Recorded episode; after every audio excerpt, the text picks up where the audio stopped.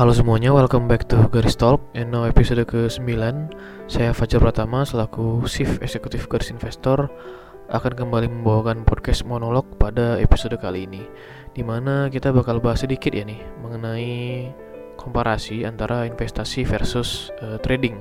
Nah, jadi sebelumnya mungkin kami Garis Investor ingin meminta maaf Karena sedikit lama ya jeda antara episode ke-8 dan ke-9 ini ada beberapa kendala teknis dan juga saya juga baru sembuh dari COVID-19.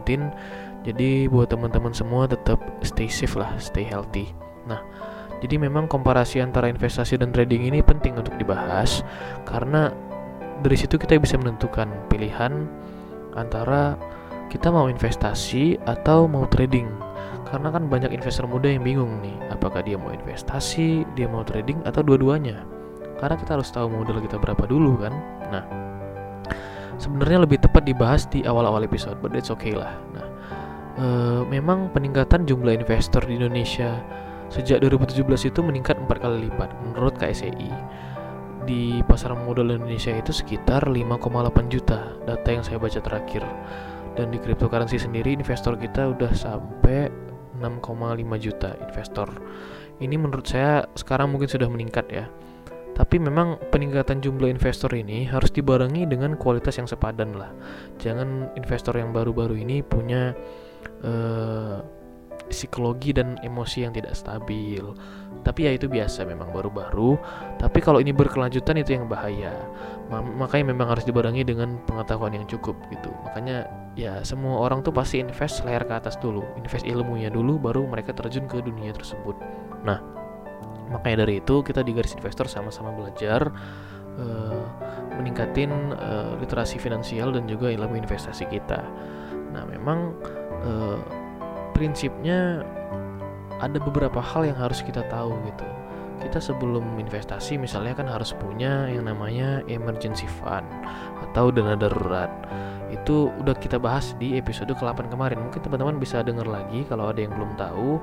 Uh, jadi memang penting apalagi kita investor muda mungkin kita nanti udah hidup sendiri udah punya penghasilan sendiri kita harus punya dana darurat untuk jaga-jaga karena nggak ada yang tahu yang apa yang terjadi di masa depan gitu kan. Kemudian memang e, dari penilaian kami kemarin minimal itu sekitar enam kali pengeluaran bulanan. That's the best way Nah, kemudian kita harus tahu profil risiko kita sebelum kita menentukan kita mau trading atau kita investasi. Yang jelas secara time frame udah beda gitu kan. Trading mungkin lebih short, lebih secara short term dia mungkin trading bisa per jam, kemudian bisa day trading juga, bisa swing trading atau minggu trading ya. Per minggu dia tradingnya, kemudian bisa uh, bulanan juga monthly trading ya paling lama sekitar 3 sampai 6 bulan kalau trading itu. Sedangkan untuk investasi minimal 6 bulan ya paling lama mungkin bisa sampai puluhan tahun. Nah, mungkin seperti Pak Lo Keng Hong, Warren Buffett, Charlie Munger yang udah punya net worth yang sangat uh, mungkin uh, kaya sekali ya that's okay fine with them untuk investasi but kita kan mayoritas investor muda makanya di uh, pembicaraan clubhouse kemarin dengan Himi Piteus kami menilai bahwa lebih cocok sebenarnya investasi atau trading ya kayaknya trading sih untuk uh, para investor muda seperti kita gitu kan milenial ataupun Gen Z. Karena memang contoh ya mayoritas sekarang yang lagi hangat kan kripto sama saham gitu kan. Oke di di kripto mungkin kita modal ratusan ribu bisa jadi jutaan sedangkan di saham ya prinsipnya semakin besar earning powers kita maka semakin besar juga return. Karena saham-saham yang bisa meroket seperti itu gak-gak banyak gitu ya. Malah banyak yang jadi korban gitu kan di situ. Nah sedangkan kalau kripto ya itu uh, different stories lah gitu ya. Nah, balik lagi ke profil risiko tadi di mana profil risiko kan sebenarnya udah dibahas di beberapa episode sebelumnya tapi saya ulang lagi nggak apa-apa lah. Di mana ada tiga itu konservatif di mana risikonya rendah tapi ya, ya kita harus juga puas dengan uh, return yang rendah juga gitu kan. Mungkin teman-teman yang punya profil risiko seperti ini bisa masuk di instrumen seperti emas deposito ataupun obligasi. Karena kalau obligasi kan dijamin sama pemerintah. Nggak mungkin pemerintah gagal bayar. Itu bakal kolaps tuh kalau gagal bayar. Seperti negara-negara yang gagal bayar hutang gitu kan. Nah jadi itu kalau konservatif. Lebih cocok untuk trade untuk investasi lah kalau menurut saya ya untuk di uh, portfolio risiko konservatif ini. Sedangkan untuk yang apa namanya untuk moderat selanjutnya itu di tengah-tengah lah see reksadana. Karena yang mengelola itu uh, manajer investasi. They uh, they are dan kita bisa serahin ke mereka gitu kan. Walaupun ya kita harus hati-hati juga memilih produk karena ya kita kita lihat banyak sekali ya kemarin kasus-kasus manajer investasi yang uh, terkait dengan jiwasraya misalnya itu yang harus kita hindari gitu kemudian BPJS kemarin juga ya kalau nggak salah. Kemudian yang terakhir ini profil risiko yang agresif gitu. Uh, ada tiga, empat instrumen lah menurut saya saya tambahin satu lagi itu bisnis. Selain bisnis itu ada yang namanya uh, saham cryptocurrency dan juga forex. Nah uh, kalau binomo all trade saya nggak mention karena saya memang nggak masuk ke instrumen itu saya nggak berani bahas karena banyak yang uh, dibilang bisa dibilang judi ya bisa dibilang judi juga gitu karena lebih ke tebak-tebakan gitu. But ya yeah, that's okay that's fine. Uh, everybody has their own opinion lah. Nah kita lanjut ke agresif tadi. Ini yang cocok untuk trading gitu. Ya kita tahu lah trading itu kan lebih kompleks lebih ribet daripada investasi. Makanya metode yang digunakan juga berbeda gitu. Example-nya di saham misalnya. We use uh, fundamental analysis gitu kan. Sedangkan di trading kita pakai uh, technical analysis gitu. nah itu kan udah beda. Walaupun saya pernah sampaikan kombinasi antara uh, fundamental, teknikal dan juga banarmologi itu penting juga. Melihat volume transaksi seperti itu kan. Contohnya di saham ya. Tapi ya mayoritasnya itu misalnya kalau kita invest saham kita lebih mayoritas di analisa fundamental gitu seperti makro, analisa mikro dan juga lihat rasionya gitu kan. Sedangkan di trading kita lebih major ke teknikal tapi kita juga harus perhatiin gitu yang namanya fundamental terminologi itu tetap dikombinasiin. Jadi kombinasi inilah yang membuat uh, tools kita lebih powerful analisa kita lebih powerful lebih akurat itu yang paling baik gitu. Nah jadi kalau untuk trading memang ya pasti kita harus punya uh, profil risiko yang agresif gitu ya. Nah di aplikasi Bibit ini bukan endorse ya teman-teman.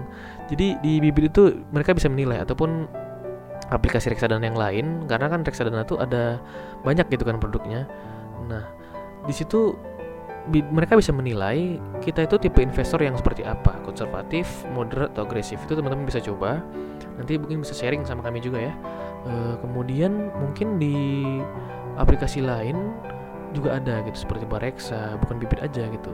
Nah untuk e, yang tadi saya awal bilang investasi layar ke atas teman-teman bisa coba virtual trading dengan menggunakan Stockbit di situ teman-teman bisa coba trading virtual selagi mengasah skill teman-teman habis belajar misalnya belajar analisa teknikal gitu kan atau fundamental itu bisa teman-teman coba.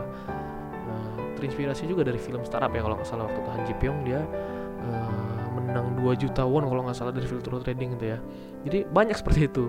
Uh, tapi akhirnya dari situ dia bisa mendapatkan manfaat gitu kan. Dia akhirnya jago jadi manajer investasi dan di in real life itu ada gitu yang seperti itu gitu. Jadi teman-teman bisa coba.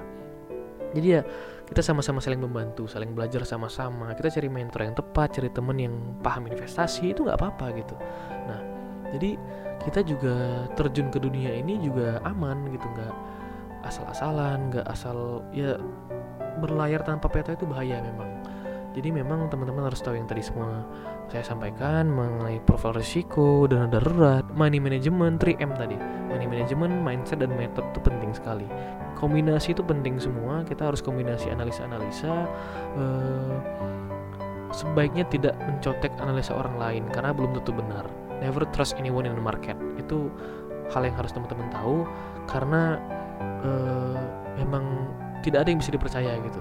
Kita bisa mendapatkan sumber berita yang berbeda kita mungkin bisa lah lihat analisa orang tapi kita harus double check dengan analisa kita sendiri nah dengan berbagai event yang akan datang kami akan selalu uh, memberikan insight berita uh, pengetahuan juga untuk teman-teman melalui konten-konten dari Instagram di podcast di Spotify juga kemudian kolaborasi dengan HIPMI um, mengadakan event-event seminar dan juga investing class ke depannya ya. Teman-teman bisa ikutin kita belajar sama-sama di situ. Sembari juga kami sedang mengembangkan prototipe aplikasi untuk uh, dan juga website ya untuk bisa teman-teman uh, pakai nantinya sehingga semua bisa lebih gampang lagi. Nah mungkin sekian untuk uh, komparasi antara investasi dan trading. Konklusinya yang mungkin bisa saya ambil itu lebih cocok untuk kita investor muda generasi milenial ataupun Gen Z di trading. Karena kita bisa double our money lebih cepat lagi tapi dengan catatan tadi ya tanda kutip metode yang tepat. Psychology emosi itu harus bisa dikontrol gitu kan.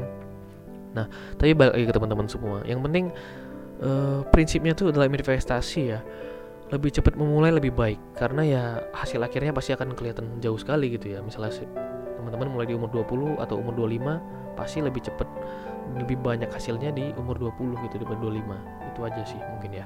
Nah uh, jangan lupa terus uh, dengerin podcast kami yang akan datang. Pantauin terus konten-konten kami di Instagram. Semoga bisa bermanfaat. Di @garsinvestor.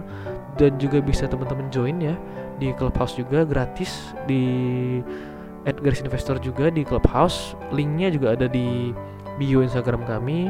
Uh, so far thank you for listening guys and see you on the upcoming episode